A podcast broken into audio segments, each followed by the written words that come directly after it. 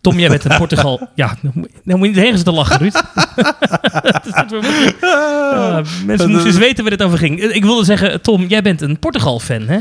Ja, behoorlijk. Dat heeft alles te maken dat eh, de vakantie in Algarve heel erg goed is. Maar natuurlijk doordat Portimao op de Formule 1 kalender kwam. Ja, Ruud, wat voor circuit is dat? Hebben we daar zin in?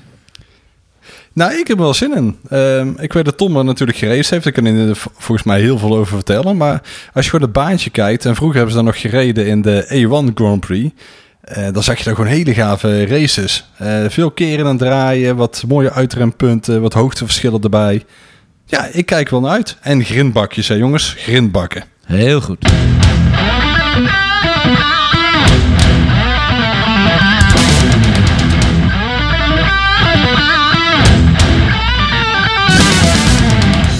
Weer luistert naar de podcast van Racing News 365. Dit keer blikken we vooruit op de Grand Prix van Portugal op het Autodromo Internacional do Algarve in Portimao. Zei ik dat een beetje goed? Mijn- Ja, dat mijn- zei je hartstikke Portugees is niet, ja. eh, niet fantastisch. Nou, de naam Coronel is Portugees, hè? Gewoon om hem ook maar Oh, ja? hoppatee erin Ja? te glijden. Ja, ja, ja, absoluut.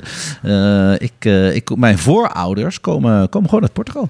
Vandaar dat veel straten daar Coronel heten. Maar ook zelfs in Macau, de Portugese staat waar wij racen, daar heb je ook een straat Coronel. en als jij dan ook met de WTCR Portugese fans op de tribunes hebt zitten, dan zeggen ze, ah, die steunen, want die naam die kennen we. Ik heb veel Portugese fans, maar dat is niet alleen door de naam Coronel.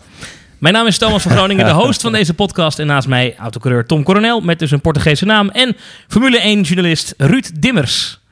En dat is gewoon een Nederlandse naam, denk ik, of niet, eh, Ruud? Nou, volgens mij is Dimmers... eh, dat kun je een beetje verbasteren naar Dimmers. Ja, dus dat zal wel een beetje Duits. Duits, eh, Ah, Duits ja. zijn. Ja, Ah, ja. toll, toll, Ja, jawel. Het was een rustige week in de Formule 1. Een weekend zonder race. Ook weinig grote verhalen. Was dit stilte voor de storm? We gaan voorbeschouwen aan de hand van natuurlijk weer een aantal onderwerpen en vragen en stellingen. Ik begin met de eerste.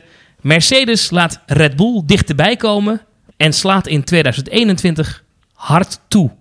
Nou, ze slaan ieder jaar hard toe. Ehm, altijd eh, de eerste paar races, dat zijn toch wel eh, dat je weer wakker wordt eh, door, door Mercedes.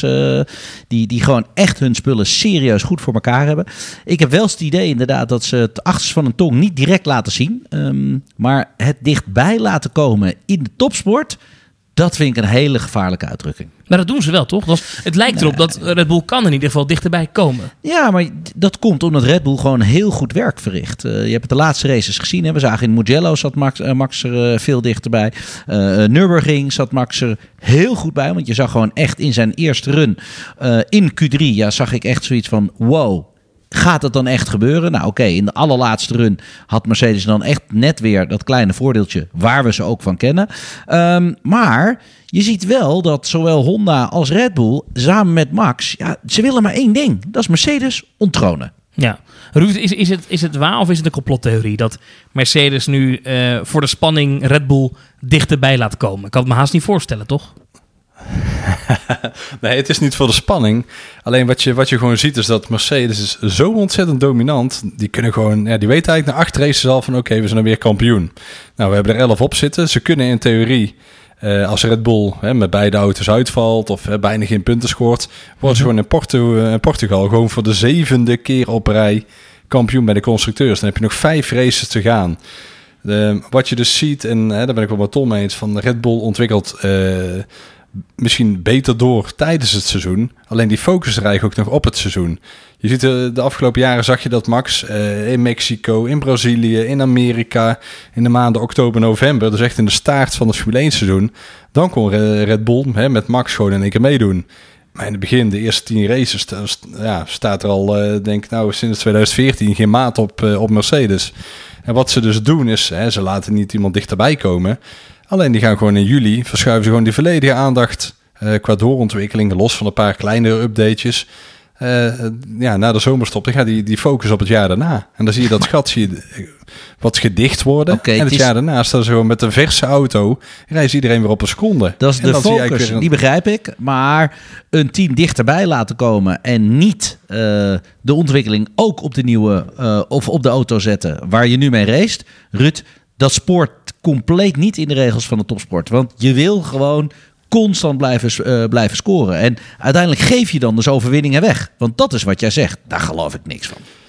Nee, kijk, de voorsprong is zo groot, Tom, natuurlijk. Je hebt het over een seconde per ronde heb je het gehad. Nou, wat maakt het dan uit als iemand nog op een halve seconde eindigt? Uh, plus, wat je maar volgens mij zegt won Max races hoor. Als je eens even kijkt naar het einde van het seizoen, was Max eigenlijk de enige die constant Mercedes in de nek zat te hijgen en er ook heel vaak voor zat. Ja, klopt. Zeker vorig jaar. Zeker vorig jaar was het natuurlijk. Hè. Dat was het, hè, Mexico mislukte eventjes voor hem. Maar Brazilië was bijvoorbeeld eh, was hij ijzersterk. En ehm, dat, dat zie je wel vaak. Maar eh, je ziet ook bijvoorbeeld in het voetbal... op het moment dat de titel binnen is... is de focus ook wat minder. Hè, bijvoorbeeld bij zo'n team. Ehm, alleen als je eerder kunt switchen naar het jaar daarna... dan kun je vaak ook weer net die, die stap extra zetten. En wat je zelf ook zegt van... eh, rijden ze altijd maximaal op sommige momenten? Nou, op sommige momenten niet. Tuurlijk, eh, ze gaan Max echt geen race cadeau geven. Never. Eh, en er zullen ook wel misschien wel momenten zijn waarop, waarop Max, net als de afgelopen jaren, ja, ervoor staat. En dan was het vaak, hè, dan was het bijvoorbeeld op de hoge gelegen banen, was het Brazilië, dan was het Mexico, dat hij natuurlijk als een, als een speer altijd ging. Hè. Dat was gewoon Mexico, noemde Ja. het altijd. Hè. Dat... Alleen, ja, ze spelen wel een beetje, een beetje van stoppertje. En dat is, eh, dat, dat is ook wel een beetje Mercedes eigen. Hè. Ze, ze winnen 80% van de races. En iedere keer, iedere voorbeschouwing is het eh Toto Wolf. Nou, dit kan wel eens een moeilijk weekend gaan zijn. Ja, weet je, dat, Ja, eh, maar dat begrijp ik. Als je vooraan zit, kan je natuurlijk altijd ontroond worden. Eh, je kan alleen maar verliezen. En ik bedoel, als je, als je er achteraan jaagt, dat is toch een andere stijl. Weet je, het, ik, ik zelf heb het idee dat Mercedes meer kan verliezen dan dat ze kunnen winnen. En, eh, en dat maakt het wel gevaarlijk voor zo'n merk. Door heel duidelijk te zeggen: nee, wij focussen alles op volgend jaar. Daar geloof ik niks. Maar stel nou, Ruud, dat dit waar is, hè, wat jij zegt. Dat, hun, dat ze halverwege het seizoen zeggen: wij leggen nu de focus achter de schermen volledig op volgend jaar. Dan neem je toch ook een gigantisch risico. Want wat nou als vanaf dan eh, Max er altijd voor zit? Dan hebben ze toch een gigantisch probleem. Maar je weet wat je auto op dat moment doet. Je weet wat er in de, in de pijplijn zit aan ontwikkeling. Hè, natuurlijk komen er nog wel wat kleine updates bij. Alleen Ja. hè, de grote base-spec. Of, eh, je ziet natuurlijk ook van de eerste tien races wat er, hè, wat er eventueel nog beter kon aan die Mercedes. Hè, het ding rijdt al op rails. Is al de beste auto. En je ziet het eigenlijk vanaf 2014 iedere keer... Dat, hè, de- zeker de laatste jaren, dat, hè, dat Red Bull in de tweede fase wat dichterbij kwam. Bij Ferrari zag je het juist andersom. Die begonnen altijd goed en die, die zakte altijd weg. Even los van de, de hele motordiscussie. Ja. Die hadden vaak een, eh, een, een mindere ja, doorontwikkeling. Eh, dan was Red Bull het derde team aan het begin van het seizoen en dan eindigde ze als tweede team. En dat jaar daarna dan op de een of andere manier. Kijk, voor, voor Red Bull is het, willen ze volgend jaar iets met, die, met Max kunnen met de titel. Ja, dan moet je gewoon, dan moet gewoon alles kloppen. En dan moet het weer niet zijn dat er weer een ontwerpfoutje is. Of dat er windtunnelproblemen zijn, dat er correlatieproblemen zijn. Het zijn wel heel veel, ja, excuses mag je het niet noemen, want je bent er steeds het tweede team. Ja. Alleen iedere keer zeggen ze van we gaan aanvallen. En zoals Tom het altijd zegt, dan staat er iemand met, een- met, met een kapmes en de ander staat met een mitrailleur. Nou, dan moet je zorgen dat je twee mannen hebt met mitrailleurs om hè, met elkaar te kunnen strijden. Niet één hè, met paard en wagen en de ander met de tank. Hè, dat moet... Nee, maar dit sluit goed aan op het volgende onderwerp. Want dan zou dat kunnen betekenen als Red Bull dus gaat voor motor, eh, het bevriezen van de motorontwikkeling. eh, dan zouden ze in theorie gelijk kunnen komen. Toch, Tom? Nou ja, volgens de reglementen natuurlijk wel. Want die is voor iedereen hetzelfde. En Ja. daar hebben ze wel het vertrouwen in. eh, met Honda nog steeds. Dus ja, dit, dit is wel een bepaalde stijl. Waarvan zij zeggen, nou laten we dat dan bevriezen. En dat hebben ze echt wel heel goed bekeken natuurlijk. Ze kunnen overal de analyses kunnen ze, kunnen ze loslaten. Dat, eh, dat het vertrouwen er gewoon is. En ja, dan willen ze bevriezen. Maar om één reden. Door niet de grote Mercedes-fabrikant met veel meer technische resources... ja, eh, alsmaar door blijven ontwikkelen. Ja, gaat dat lukken, Ruud? Het bevriezen van die motorontwikkeling? Nou, dat is natuurlijk een hele moeilijke, want in de Formule 1 heb je natuurlijk de vrije ontwikkeling. Eh, dit seizoen bijvoorbeeld al niet. En dan zie je ook van, oké, Ferrari had natuurlijk eh, grote problemen nadat ze op de vingers zijn getikt met de motor. Die rijden het hele jaar mee van spek en bonen. Eh, normaal gesproken hadden ze gewoon een aantal upgrades kunnen introduceren om het gat te dichten. Je ziet dat Mercedes gewoon de beste motor heeft dit jaar. Dat Honda, die, kan ook, die kan ook niet inlopen. Eh, ja, ik denk dat het alleen maar zin heeft op het moment dat je dan ook eh, afspreekt van... eh, jongens, we hebben allemaal 950 pk. We gaan er een balance of performance gaan we eraan koppelen als iemand iets meer heeft. Om te zorgen dat die motoren het verschil niet meer maken. Alleen anderzijds, het hoort er toch gewoon bij dat de motor ook gewoon het verschil kan maken.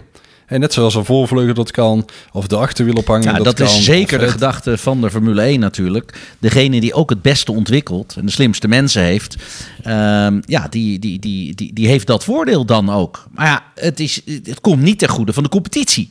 Want dan is het echt altijd maar zo, ja, de twee die met die auto rijden, dat zijn eigenlijk de enige twee die de race kunnen winnen. En nou ben ik niet tegen die regel, hè, want ik bedoel, dit is gewoon hoe de Formule 1 altijd geweest is. Maar is het niet tijd voor een beetje verandering? En dan bedoel ik het zoals wij het doen eigenlijk bij ons. En dan kan je zeggen, ja, dat is commercieel racen, niet sportief racen. Dat is niet waar, want alleen de eerste twee in de Mercedes kunnen winnen.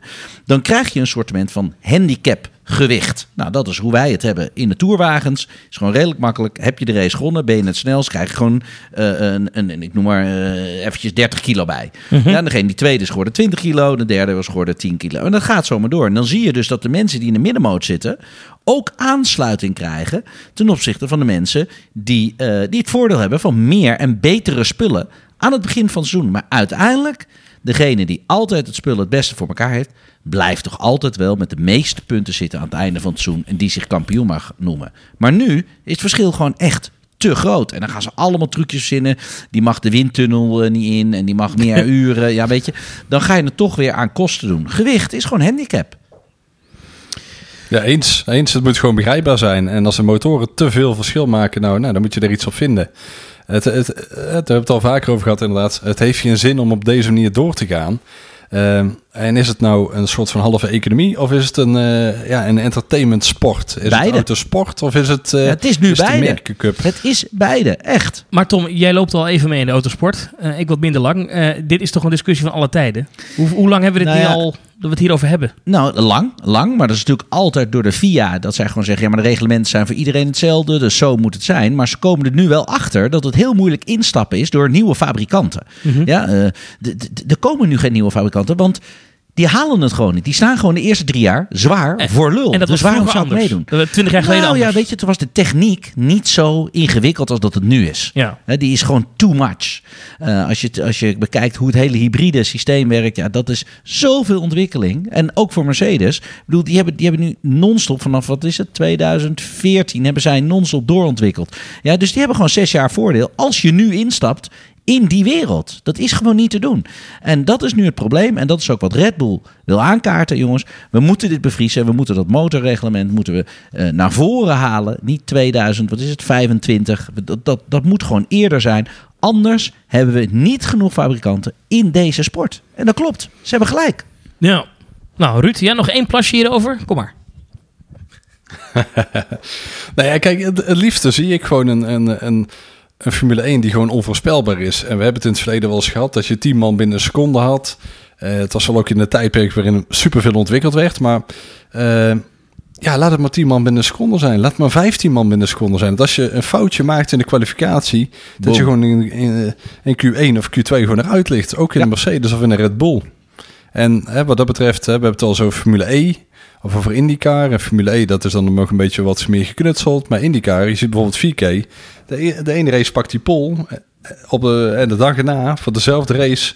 Of ja, op hetzelfde circuit is hij 17e of 19e. Ja. Ja, gewoon doordat het even net iets minder gaat. Dan denk je van ja, dat zou toch gewoon gaaf zijn als je de ene keer... Volgens mij won Eh, ik in Slovakia P1 ring en stond ik afgelopen weekend 18e op de grid. Ja, nee, maar dit is het wel. En als je zo de mixer pakt, weet je wat het is? Je hebt gewoon meerdere helden nodig om, om het een, een echt, echt vet, vet circus te doen. Daar kan je ook nog eens ergens fan van zijn. Ja, want Ja. we- we- voor wie moet ik nou fan zijn? Moet ik nou fan zijn van Charles Leclerc? Waarom? Waarom? Kan toch nooit winnen. Weet je, het is, alleen, het is gewoon een Hamilton show. En, en ja, dat, dat, ja, da- daar zoeken mensen naar verandering. Maar er is verandering. En die is ook gaande. Hè? Want ik bedoel, toen Bernie Ecclestone het allemaal verkocht heeft... Ja, zie je toch dat er een iets meer Amerikaans showfactor sausje overheen komt. Mhm. En ja, die heeft de Formule 1 wel nodig. Anders bloedt het gewoon dood. Echt. Ik ga door naar de volgende stelling, heren. Want de volgende stelling, Ruud, jij moet er even op reageren. Geld maakt wel gelukkig, want we krijgen de, derde, eh, de derde miljardairszoon in de Formule 1. Is het echt een, eh, een Ja, sport wat- aan het worden? Een rijke luis zoontjes sport? Het is altijd natuurlijk een... eh, ja, geld is gewoon heel erg belangrijk in de Formule 1, in heel de autosport. Ehm, ja, Nikita Mazepin, ja, weet je. Zijn er geen betere coureurs? Jazeker wel. Zijn er veel betere coureurs? Ja, 300 procent. Er zijn er, zijn er coureurs die 10, 15, 20 miljoen over kunnen maken. Ja, die zijn er maar weinig. Ja, maar weet je, zo is het ook voor een teambaas. Hè? Kijk, je kan niet op houten wielen rijden. Dus uh, ik, ik begrijp het. Ik begrijp wat er allemaal gaande is. Want ik maak niks anders mee in autosport. Um, en weet je, iemand die 10 miljoen heeft is heel goed. Maar iemand die 15 miljoen heeft, die gozer is echt beter. En die jongen die 25 miljoen heeft, die is goed, jongen. Die heeft een hoop talent. Ik begrijp het spelletje. Dat is namelijk gewoon hoe het gaat. Money ja. talks, bullshit walks. Klaar. En dat is altijd geweest. En als je, en als je dan kijkt bij Haas. Nu, uh, één seconde, Rut. Wat je nu wel heel erg ziet, maar dat zie ik in alle lagen van de autosport. Het is te elite aan het worden. Too much. Het is gewoon bijna onmogelijk als echt talent om nog te door uh, kunnen stromen in de autosport. Ik weet hoeveel effort en hoeveel geld Jos in Max heeft gestoken om ook hier te komen. Weet je, het Formule 3 seizoen heeft Jos ook zijn allerlaatste centjes ge geïnvesteerd in een ruwe diamant. Uiteindelijk is het goed gekomen. Hè? Maar ja, dat, dat is serieus risicovol. Tenzij je gewoon een steenrijke vader hebt. Your. Ja, eens. Eens. Kijk, en als je, als je kijkt naar Haas, die, ja, die hebben bijna geen cent te makken, weet je. Ik bedoel, Gene Haas, de eigenaar, de Amerikaanse eigenaar, die stopt er tientallen miljoenen per jaar in. Nou, vorig jaar hebben ze natuurlijk een sponsordeal gehad met Rich Energy. Nou, dat was uh, geld maakte gelukkig, dachten ze bij Haas ook. Alleen ja, met Rich Energy liep het allemaal wat anders. uh, Uiteindelijk zouden ze ongeveer 30 miljoen van krijgen in, uh, in, in de slordige twee jaar. Ja, dat is gewoon serieus veel geld.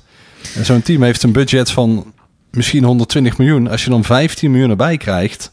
Ja, dat is, dat, is gewoon echt gigantisch. Dat is 10% van het hele budget. Dat is ongelooflijk veel. Maar, dus ik begrijp het als een rijder zoveel geld meeneemt, dat het een hele belangrijke factor is. Kijk, als je een rijder moet kopen, hè, zeg eventjes een Alonso. Nou, een Alonso pakt altijd een 20, 25 miljoen. Ik, die doet het echt niet voor minder. Ja? Of je hebt iemand die 25 miljoen betaalt. Dat is 50 miljoen verschil. Ja, dat is eigenlijk de helft van het volledige budget waar een Formule 1-team het voor zou moeten kunnen doen. Ja? Nou ja, dat, en dat maakt nou dat ik denk, jongen, jongen, jongens, het, het wordt too much. Geld, geld, geld, geld. Ja. Money, money, money. Maar toch, uh, dan maak ik jou nu eventjes de teambaas uh, van Haas. Ja. In welk stoeltje zet je hem? Grosjean. Ruud, wie gooi jij eruit? Grosjean. Nou, dat is duidelijk. 300, 300 procent. Ja. ik, eh, ik, vind, ja. ik vind dat Grosjean, die heeft, die heeft zijn tijd gehad. En Magnussen, die... Ja, weet je, als Magnussen een, een redelijke auto heeft... Hebben, ik geloof dat twee jaar geleden was ook gezien... Dan knokt hij en dan vecht hij. En dan... Eh, dan is je een beetje een studie met, eh, met de Nico... Uh, Nico Hulkenberg. Ja. Ja. ja. wat, wat was ook weer... Uh, Suk my balls, honey. Weet je, dat, ja. weet je, dat soort... Ja, dat is, een, dat, dat, is gewoon een, dat is gewoon een brani-schoppertje is dan. En die moet je erbij hebben. Terwijl Grosjean, ja, ja. Weet je, dat was in uh, 2006, 2007. Dat was een beetje... Uh, ja, zover moet wel terug voor, voor Grosjean, voor, voor mijn gevoel. Dat hij... Uh, ja, in ieder geval heel lang geleden. Ja, dat maar is dat is dan in geval 100% einde, einde Formule 1 voor Grosjean dan natuurlijk. Want die gaan we dan niet ergens anders nog zien. Toch? Ja. Nee, die komt nee, niet bij een ander niet terug. Bak. Nee, die komt niet meer terug. Maar hij hoeft ook niet terug te komen. Hè? Uh, weet je, het is, het, is, het is goed zo. Het is, het is tijd om nieuwe jonge helden ook, ook gewoon een zitje te geven. Uh, ook goed voor het, uh, voor het team. Gewoon eventjes een beetje, een beetje frisse wind erin. Verandering doet groeien. Geloof ja. me. Laten we even dan gelijk de silly season doortrekken, Ruud. Er zijn natuurlijk nog wel wat meer veranderingen qua stoeltjes en bezetting opkomst. Ja, we hebben natuurlijk het, het meest felbegeerde stoeltje ter wereld. Dat is natuurlijk de plek van Albon. Ja. En er is niet heel veel nieuws over. Ja, uh, Marco heeft aangegeven dat Perez en Hulkenberg uh, een optie kunnen zijn op het moment dat, uh, dat Albon eruit gaat. Nou, ik ben inmiddels ook al wat meer uh, te Albon eruit gaat of eruit wordt gezet? Want dat zijn voor mij wel twee verschillende dingen. Nou, kijk, als Albon weg moet, dan gaat hij altijd via de voordeur. En dat heeft wel gewoon echt te maken met het feit dat hij een... dat is nog nooit gebeurd hè, bij Red Bull. gewoon even... Nee, gewoon... maar... De, ja, maar Tom, de, de, de, de grote aandeelhouder van Red Bull is een Thai. En uh, daar waar, hè, dat we de vorige keer ook over gehad, waar Gasly iedere keer helemaal afgemaakt werd, is het nou, uh, ja, weet je, met de mantel door liefde wordt alles bedekt. Nou, ik... En mij is inmiddels wat te oren gekomen dat dat uh, heel veel te maken heeft met de gevoeligheid hoe dat toch schijnbaar binnen Red Bull ligt. Uh, hè, bij de Thaise eigenaar, die had natuurlijk zoiets van, oké okay, jongens, we hebben nou een, uh, een wereldgozer erin. Nou, dat valt tegen. Dus ze proberen hem een beetje hè, te kneden en weer met Nou, het valt niet te tegen. Albon is hartstikke goed. Ja? Ja, nee, maar jongens, wat is er aan de hand? De, Albon is een hele goede Formule 1-rijder.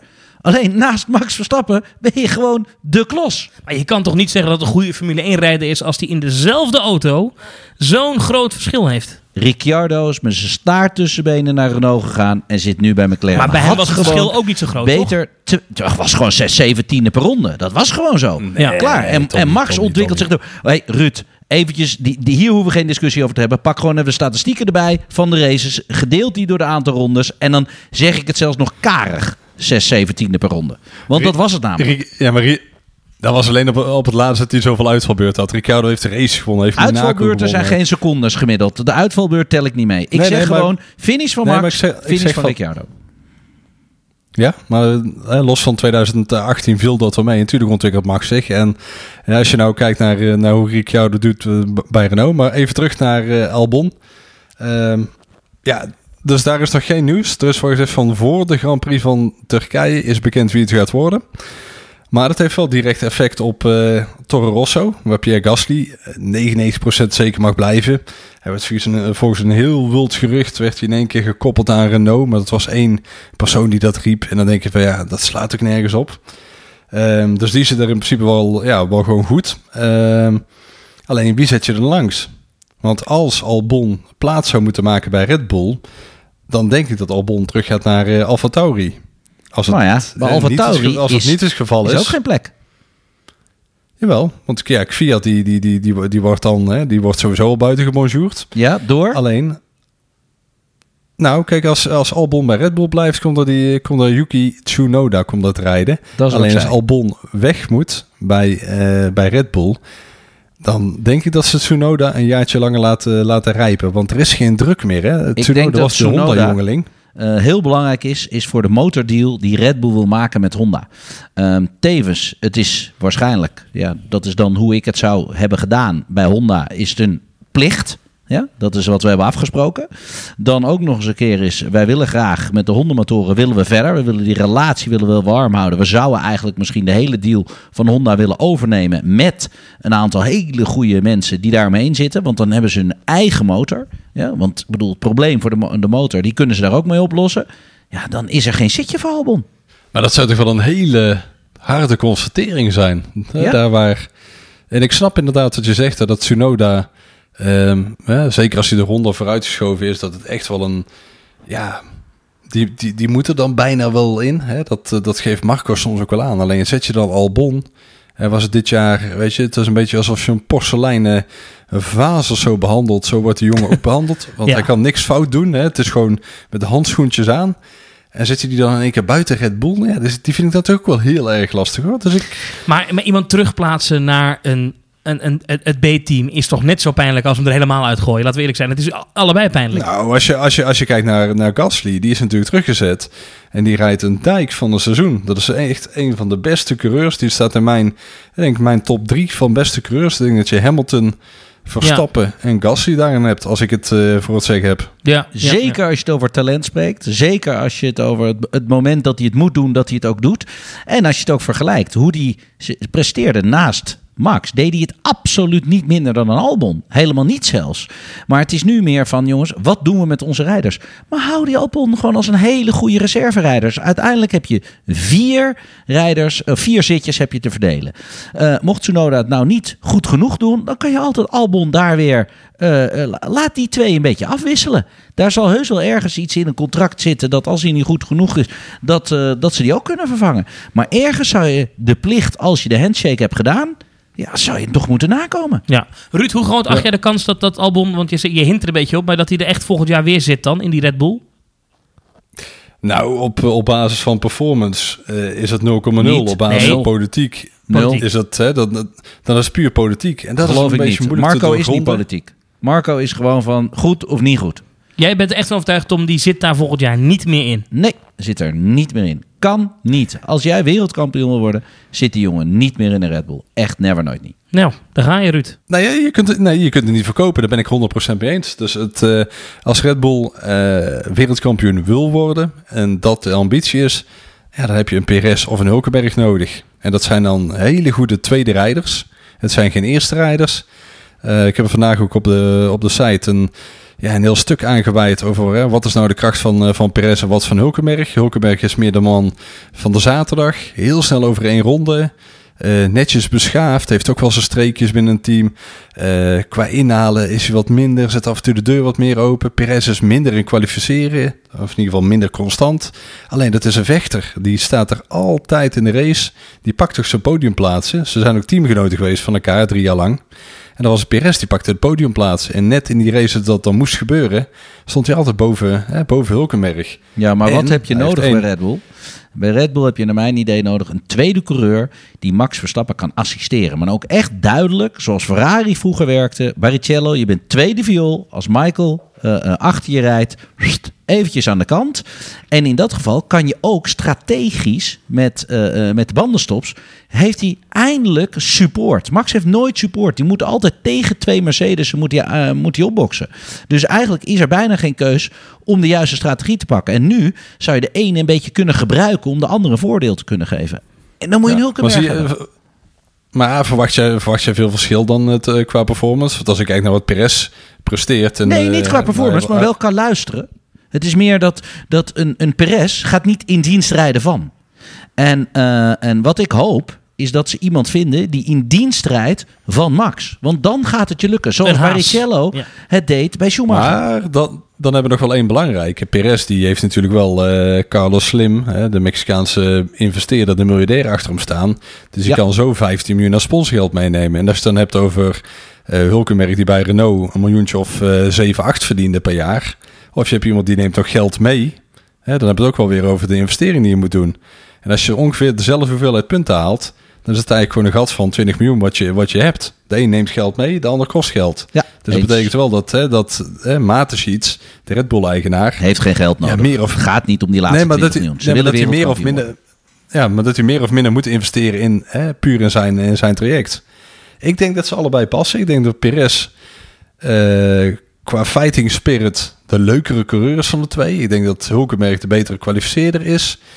En ze hebben allebei hun plussen en hun minnen. En dat, Ja. ja. we vinden in Nederland Hulkenberg allemaal heel leuk omdat hij Nederlands praat. En Dat is toch ook leuk? Ja, dat vind ik ook leuk. Ja, maar, ja, maar ja, hey, heel simpel. Het interesseert me niks als hij in die auto zit. Dat is waar. Maar, er, staat maar een goede, er staat een goede kop Maar op. Ruud, en, eh, je, bedoel- bent, je bent nu over financiën aan het, aan het praten. Hè? Eh, Dat, dat daar een gat in staat. Dat is een heel klein plusje. Maar dat staat toch niet tegenover de plus dat je iemand eh, nodig hebt die het hele team support. Dus die Max support, die ertussen gaat zitten en die luistert. Dat is wat je nodig hebt. En dan gaat een Perez nooit Ja, maar jij, ja. jij bent bang dat, je, eh, dat Perez dat niet gaat doen, net als met Ocon. Ja. Bij, bij eh, Force India. Dat ze elkaar de muur ik in rijden. ieder ge- dat is niet één keer gebeurd. Dat is tien keer gebeurd. Hoeveel races wil je terugzien? Ze reden, de twee teamgenoten reden elkaar van de baan af. Dus een Perez heb ik niet nodig als teamgenoot van Max. Stel voor dat hij een keer een hele goede start maakt. Hij pleurt hem ertussen. Niks ervan. Je bent tweede viool. Anders gaat het niet lukken om wereldkampioen te worden. En nou begrijp ik ook wel de sporthart en allemaal dat soort dingen. En ik denk nu alleen, jongens, oké. Mercedes is beter.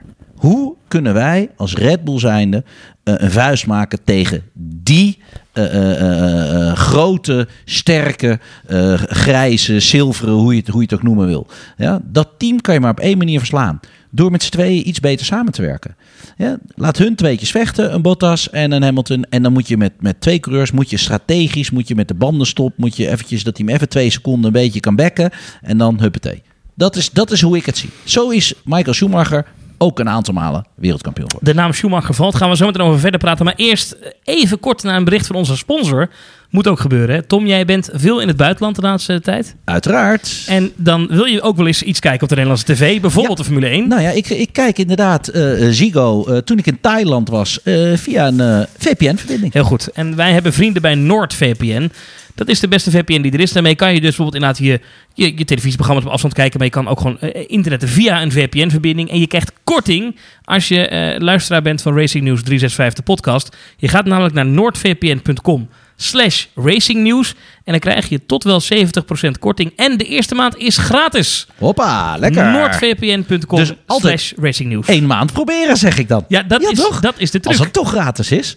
Nee, eh, het, het werkt briljant. Want je, je logt gewoon in op de VPN-verbinding. Dan denken ze dus, dus de, de televisiemaatschappij hier, die, eh, die jij weer via de app gebruikt, Sigo of wat is het, eh, al die andere... ja, de, de KPN-box. de KPN-box, dat soort dingen. Die denken dan dat je in Nederland zit. Dan mag je het kijken, omdat de content beschermd is in het buitenland. Het werkt echt vet. Dus ook straks bijvoorbeeld de slechte chauffeur van Nederland. Ook dat. Die Eh, eh, gaat weer in februari. Komt Precies. weer. Nou, is Ja. alleen op de Nederlandse tv te zien. Maar als je dan dus een VPN hebt, kan je dat waar ook ter wereld kijken. Ja. Noordvpn.com slash racingnieuws. Die hebben echt meer promotie gehad dan, eh, dan gewoon alleen de naam noemen. hè? Ja, we het werkt leggen ook even uit hoe het werkt. Ja, Ja. dat is belangrijk.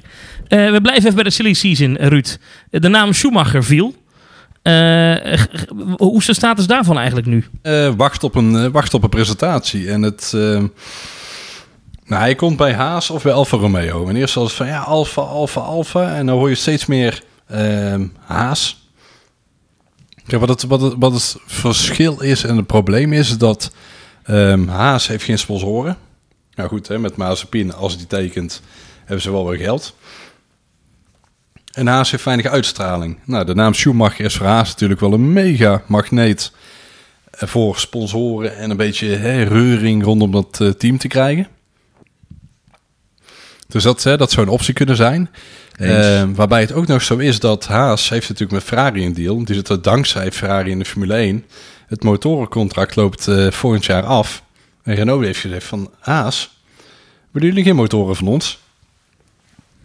Dus hè, dat, dat is een beetje een eh, soort van semi-politiek iets. Kijk, Renault heeft geen ander team meer. Dus op het moment dat zij motoren zouden kunnen leveren aan Haas... Hoeven ze het niet te leveren aan Red Bull. Inderdaad, ik wou zeggen, en dat is nog vers 2. Oh, Dan gaat er één motor, één motor gaat er weg bij Ferrari. Dus dan moet Ferrari één team voorzien van motoren.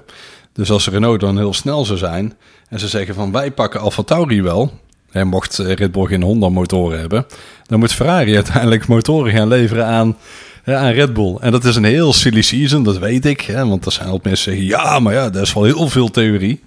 Alleen ja, er is niks zo smerig soms als eh, de spelletjes die, die, die gespeeld worden. Ehm, en als dus er ja, één is- motor is is- die je nu niet wil hebben, jongens. Dat, is, dat, dat, Ja. dat zou een streep zetten door ieder wereldkampioenschap. Ja, maar dit is, Ja, dit dus- is ook waarom ik er heilig van overtuigd ben dat eh, Red Bull de relatie met eh, Honda, zoals dat vroeger ging, dan, dan batchen ze hem anders. Hè. Dat- Mhm. dan, dan noem je een Mugen of je geeft hem een andere naam. Maar dat is gewoon de doorontwikkeling van de eigen Honda-motor. Eh, en dat is ook de reden waarom zij die, die, die motoren willen laten doen bevriezen. Want de, heel simpel, de ontwikkeling van de motoren eh, betalen met Red Bull, dat gaat echt pijn doen. Ook Ja. daar. Eh, maar, maar even terug naar de naam Schumacher en eh, gewoon even naar Mick. Eh, waar zie jij hem het liefst, Ruud? Nou, ik vind Alfa Romeo. Is, ja, Alfa is wat meer naam, vind ik, dan, eh, dan Haas. En kijk, eh, qua vormpeil is Alfa ook net iets beter. Mhm. Ik ken ook een zwaar seizoen. Maar ik, ja, ik heb zelf wat meer met Alfa dan met, eh, dan met Haas. Sorry, Gunther. Maar nee, Haas, vind, ik- eh, Haas vind ik een beetje, ja... hm, het heeft nog weinig imago. Het heeft nog weinig wat erbij komt. En als hij gewoon aan de zijde van eh, Kimi Räikkönen mag leren... Ja, dan heb je toch perfect, joh. Dan heb je gewoon iemand die tegen zijn vader geraced heeft. Ja, hè? en ga nou eens even heel ver terug. Alfa Romeo. Welk team was dat? Sober. Heel goed. Heel goed.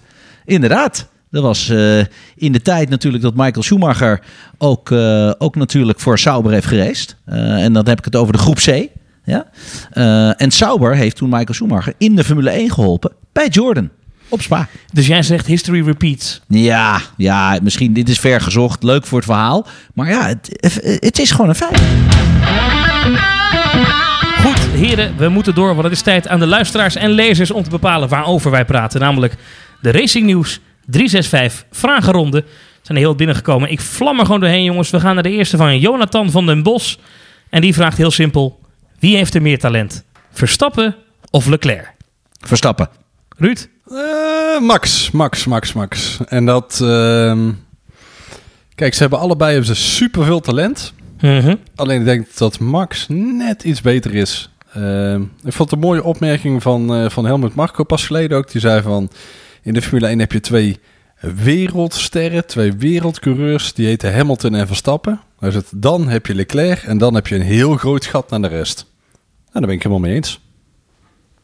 Nou, helder antwoord. Ja, Tom? Ja, nou ja, ja, Ik, ik heb daar heel weinig. eh, kijk, het is heel simpel. Ehm, je ziet, de hele Formule 1-wereld is opgeschud door, door Max. Eh, aan, door zijn stijl van rijden.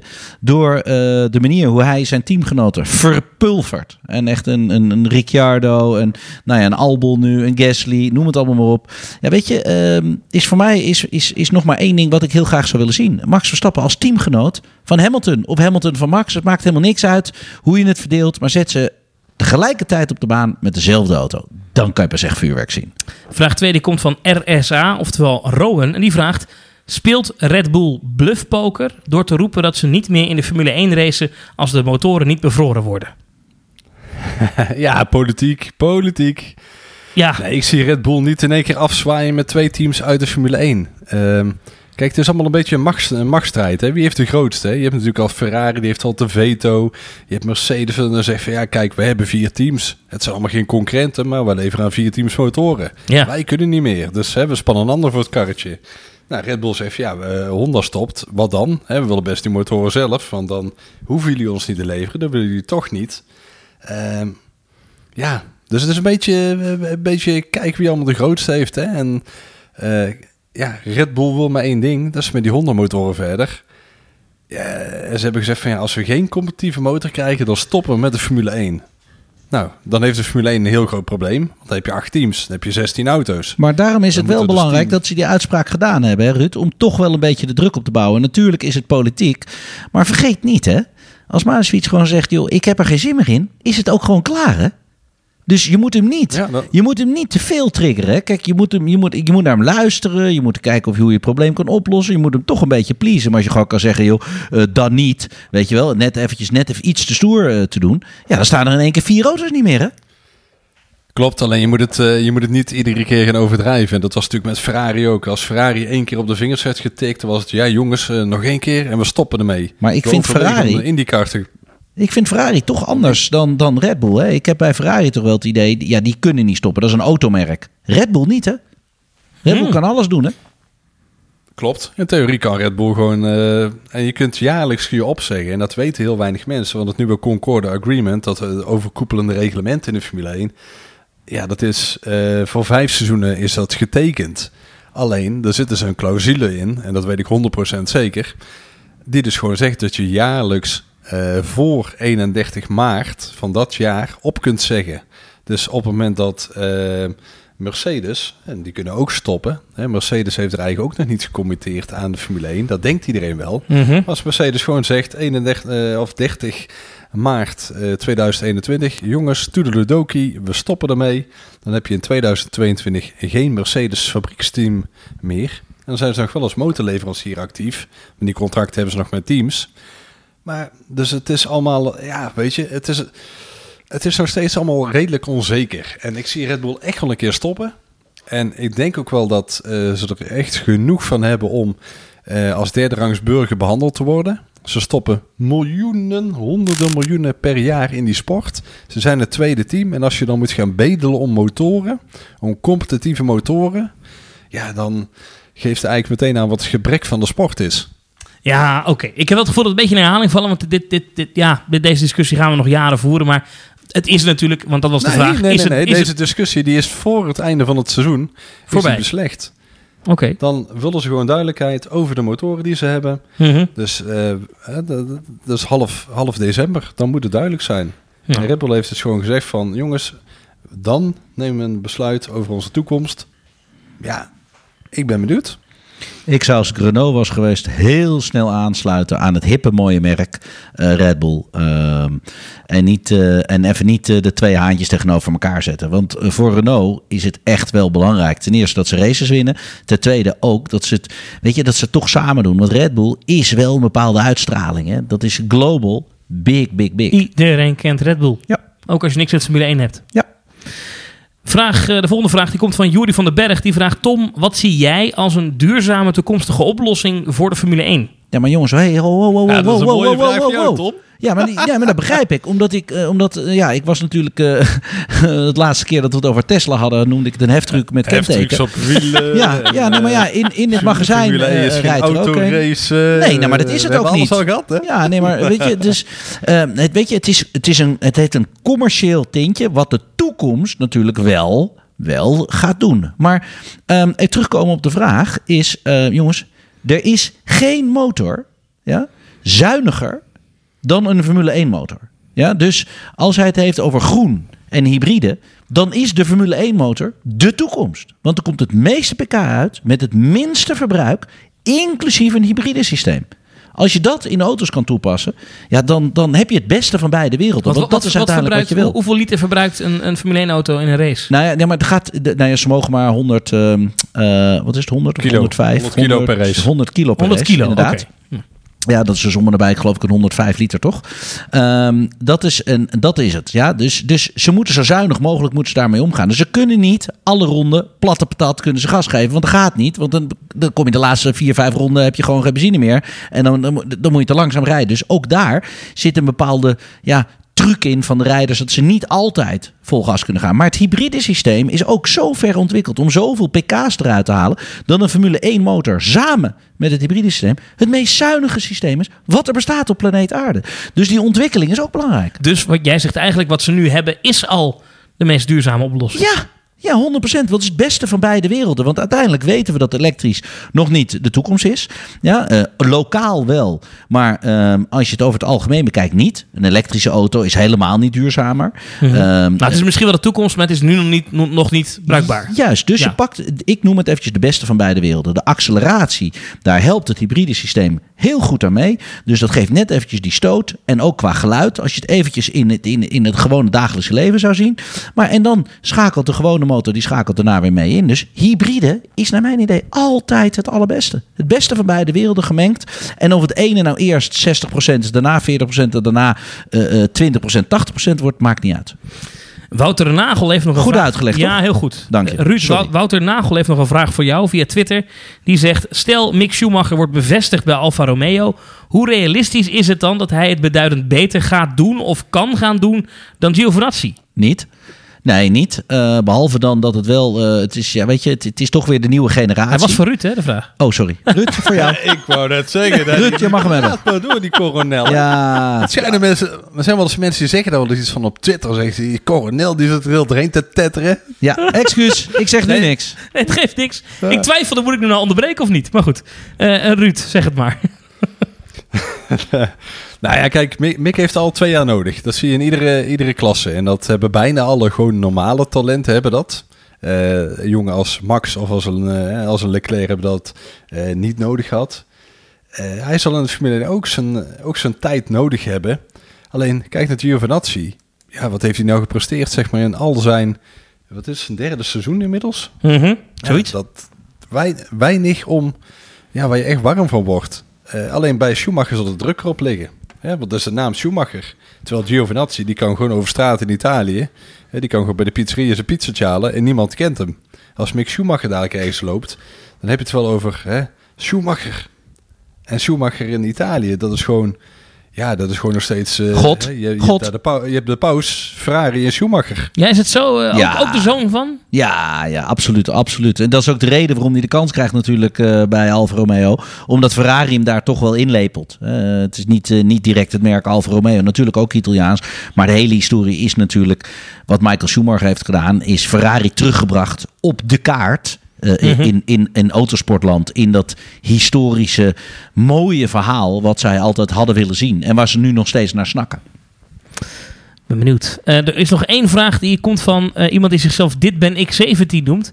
Die zegt tijdens de Formule 1 Nürburgring zag ik een achtbaan. Ik weet niet of hij het nog doet. Nee, Volgens heeft het nooit gedaan. Racer, Eh, kan, ik heel, nee, kan ik heel makkelijk uitleggen. Die is daar inderdaad gebouwd toen het hele concern Nürburgring een entertainmentpark zou en moeten zijn gaan worden. Daar is heel veel geld in, in gestoken van de staat. Het is failliet gegaan, is overgenomen. De achtbaan die je daar zag, is nooit, maar ook nooit gebruikt. De ringracer, zo Ja, moest hij gaan eten. Hij is gewoon niet afgemaakt. Ja. Vraagt iemand, eh, hij vraagt, ehm, ehm, is een ritje in een achtbaan te vergelijken met een autorace? Dat is een goeie. Ik vind een ritje in een eh, eh, Formule 1 auto dan ehm, toch wat fijner. Omdat ik zelf aan het stuur zit. En in een achtbaan overkomt het je. Maar je gaat ook over de kop en allemaal dat soort dingen. Dat is natuurlijk toch wel anders. Het is wel de kick. Het is wel die kick waar je op een gegeven moment naar, naar snakt als, als autocoureur zijn. Dat je altijd die adrenaline shot, die moet heftiger, groter, beter, eh, meer.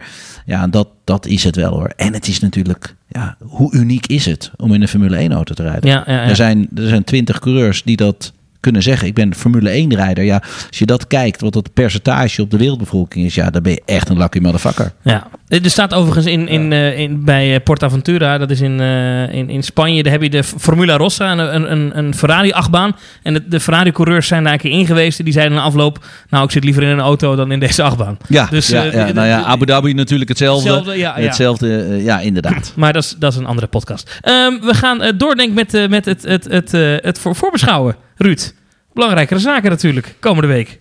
Ja, Portugal. Nou, wat we al zeiden, we hebben gewoon zin in. Ik vind het gewoon leuk dat je gewoon een keer een ander baantje hebt. Eh, ik was ook blij met, eh, met de Nürburgring.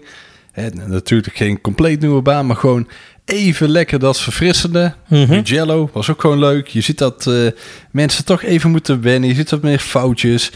Ja, mijn favoriete grindbakje is gewoon er weer, weer naast. En je weet ook gewoon niet wat je kunt verwachten tijdens die race. Eh, hoe gaat die eerste bocht, weet je? Gaan ze daar met, eh, met alle twintig man erheen komen of niet? Slijten Nou, die banden nou sneller? Eh, Wij hebben dus iemand dat hier zitten ver- die, dat dus, die dat, ons dat kan vertellen. Portimao, Tom. Zo vet. Zo terecht dat die op de Formule 1 kalender staat. Eh, ik heb daar dit jaar de eerste race gereden, de Europese race eh, eh, met het coronaverhaal met, met Creventic toen. Dat was een 24 uur event in mijn Audi eh, RS3.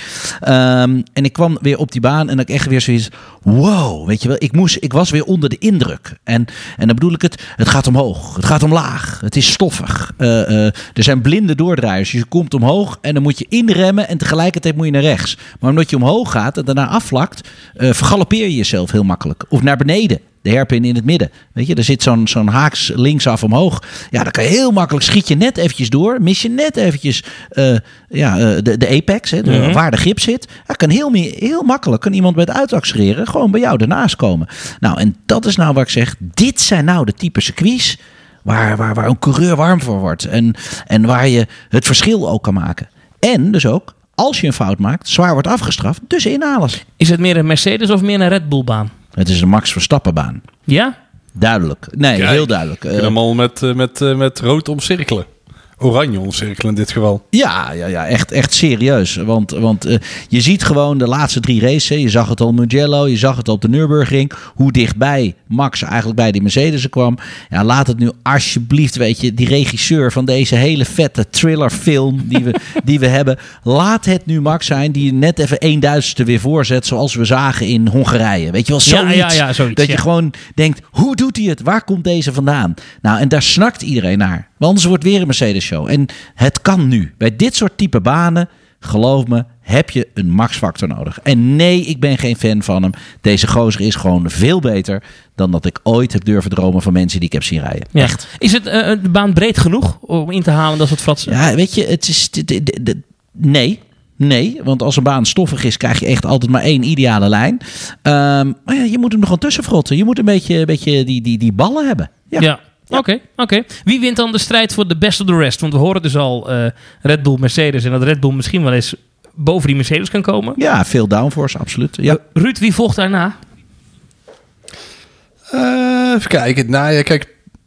Checo Perez. We hebben nou Ricciardo gehad met zijn podium. Renault is lekker op dreef. Racing Point moet het in de baas goed doen op dit circuit. Ja, Checo Perez gewoon, eh, gewoon een keertje de best of de rest. Hmm. Misschien een beetje wat geluk erbij hebben. Maar gewoon, ja. Ik, ik ben trouwens wel benieuwd, eh, Tom. Het rechte stuk, loopt dat omhoog of omlaag? Of eh, gewoon... Nee, eh, nee Ruud, hele goede vraag. Hij loopt namelijk heel vet omhoog en heel vet omlaag. Eh, eh, de laatste bocht is een hele lange rechte doordraaier. Die komt eerst omhoog en dan val je in een dip, val je naar beneden. En dan rij je omhoog richting start-finish. En dan eh, vlakt hij af waar de pitstraat staat. En het einde loopt gewoon recht naar beneden. Loopt gewoon echt gewoon, gewoon, gewoon schuin naar beneden. Dus het is, het is van alles wat. Nou, dit Ja, klinkt... dat is gaaf. Want dat, want dat is gaaf. Want dat zie je dus bij eh, op Kota, eh, Circuit of the Americas, zie je dat ook. Dat rechte stuk, dat loopt bij de eerste bocht naar beneden. En dan krijg je dus eh, het aanremmen is veel moeilijker daarbij. Je blokkeert veel sneller je wieltje. Ook als je iemand uit gaat remmen. Hè, nou is een Portimao wel redelijk haags re- rechtsaf en dan meteen weer door naar links. Maar Ja. is hij breed genoeg, Tom? Bocht 1? Nee, nee, hij is niet breed genoeg. Eh, je hebt een hele flauwe eerste knik naar rechts. Maar ja, die kan je niet volnemen, maar wel heel hard. En dan moet je heel hard aanremmen voor een, voor een hele eh herpinachtige doordraaier naar rechts. Dan gaan we linksaf omhoog. Dan ga je weer naar beneden aanremmen. Weer een herpin. Linksaf omhoog. Dus het is heel veel omhoog en omlaag. In het middengedeelte vind ik, daar zit echt vet uit de allermooiste. Dan ga je vol gas linksaf omhoog. En dan ga je naar boven. En dan moet je daar ergens remmen om rechtsaf te gaan. Nou, die is zo vet. Hmm. Die, want de, ik, ik heb echt op alle rondjes... Nou, hoeveel heb ik er daar gereden in, in één race? Nou, wat zullen er zijn? Zullen het er honderd zijn geweest? Eh, ik heb hem 90 keer anders gedaan. Zo, zo vreemd is die bocht. En dat, ja, dat, dat maakt het cool. Een behoorlijke bandenvreter, eh, dit circuit. Eh, dus, dus ook dat strategisch is ook wel een hele belangrijke... met de rijders die net even wat voorzichtiger met hun banden kunnen omgaan. Jongens, we gaan hier spektakel zien. Het kan niet anders dan dat dit gewoon een vette race gaat worden. We gaan voorspellen. Pole position. Max. Ruud. Ja, Marx. We hadden vorige keer al voorspeld. Max, Alleen toen kwam ja. het gewoon niet... Ja, toen kwam, het, toen kwam het net niet uit. Nee, dat is Net waar. niet. Ja, Dus ja, dat, we eh, zaten er dichtbij. Max op pole. Ik, ik, ja, ik hoop gewoon dat we weer zo'n spannende kwalificatie krijgen. Want het was niet alleen in Nederland hè, waar iedereen het erover had. Hè, dat gewoon met twee minuten te gaan gewoon Verstappen ja, nog bovenaan stond. Met een paar En dat duizend. geeft wel aan dat ze... Ja, ja, dat was zo gaaf. Drie man binnen één tiende. En uiteindelijk, natuurlijk, hè, Bottas die perst er een prachtig rondje uit. Maar laat maar weer gewoon zo zijn. Ook al pakt je hem dan net niet. Gewoon Ja, spannend. Kom op. Max op pole. De top 3. Tom Coronel. Komend weekend. Daar gaan ze 1, 2 en 3. Max, Bottas. eh, ja, het wordt toch Hamilton. Jawel. Max, Bottas, Hamilton, Ruud. Hamilton, Max, Perez. Oké. Wat gebeurt er met Bottas? Ja, gewoon... eh, die, zit, die zit af en toe in de hoek waar de klappen vallen. Dus Af en dat, toe, eh, iedere keer. ja, maar, ja, maar sommige mensen hebben dat gewoon altijd. Maar dat... Nou ja, dat, eh, ik denk dat, eh, dat eh, Hamilton toch weer net te snel is. Eh, Max weer heel leuk meedoet. En nou, ik gun Perez gewoon even een keer zijn, zijn podiumplekje. Lijkt me leuk. En Albon, waar, waar vinden we die terug, Tom?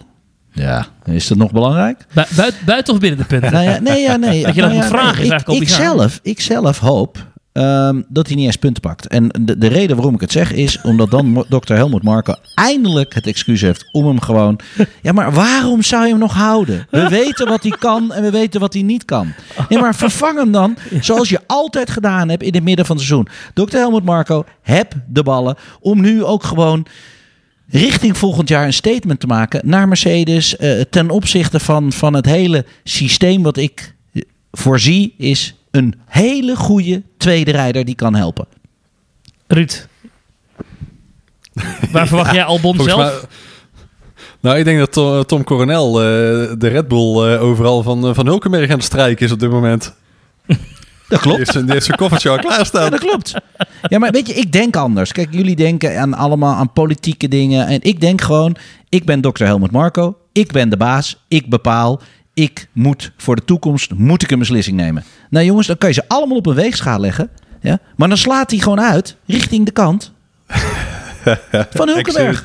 Maar Tom, Tom, zou het ooit iets voor jou zijn, teambaas van een, eh, van een, eh, van een raceteam? Ja, ja, ik denk, eh, kijk, weet je, ik heb alles meegemaakt als coureur. Ik heb alles meegemaakt aan de zijkant, natuurlijk de commerciële kant. Ehm, ja, nee, ik, eh, ik heb zelf een raceteam gehad. En dat is eigenlijk heel simpel. We hebben drie jaar een raceteam gehad, waarvan ik twee keer eh, het kampioenschap heb gewonnen.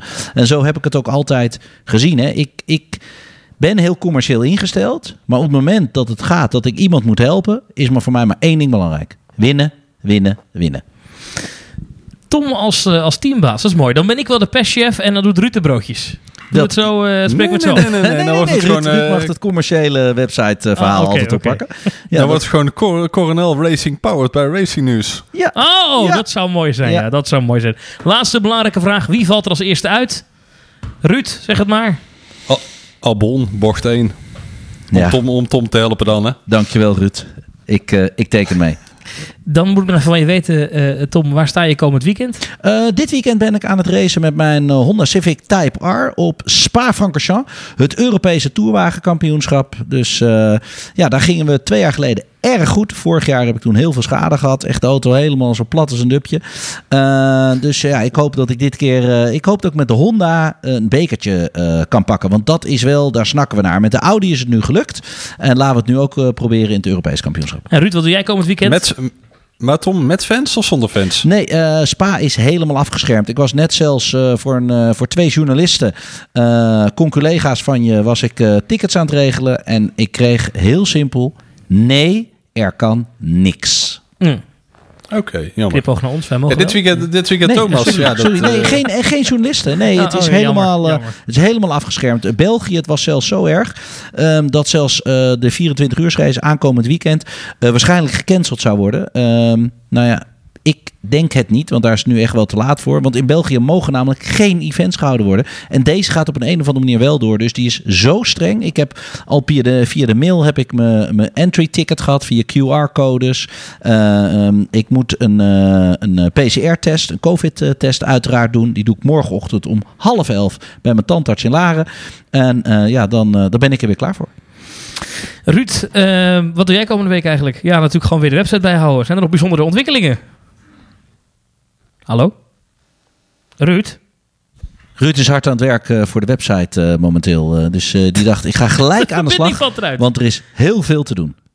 Ja, hij is echt weg. Nou ja, geeft ook niks, dan ronden wij het gewoon af. Ja. Uh, mocht je het nog niet door hebben gehad, Ruud zit inderdaad op afstand. En uh, Tom en ik zitten bij elkaar weliswaar op anderhalf meter afstand ja. natuurlijk. Ja. We moeten nog even zeggen, mocht je nou zelf het beter kunnen voorspellen. Er is ieder weekend een voorspelgame. Hè? Ieder Grand Prix weekend op racingnews365.nl. Daar kan je zelf voorspellen wie je wint. Gewoon die vragen die we net ook beantwoord hebben. Ja, en met mooie prijzen. En mooie prijzen. Wat heb je deze week? we hebben deze week hebben we weer de kartbaan. Uiteraard voor twee personen komen karten bij ons op de kartbaan in open, Huizen. Hè? Open. Ja, ja, wij zijn uh, wij zijn open. Uh, gelukkig, het mag nog wel. Uh, weliswaar maar 30 mensen binnen per keer. we hebben constant hebben we mensen die dat coördineren. Dus dat is allemaal netjes en keurig geregeld. Maar gelukkig, er kan nog een beetje adrenaline kan daar loskomen. Racingnews365.nl En dan zou ik zeggen, Tom, tot volgende week. Doei doei!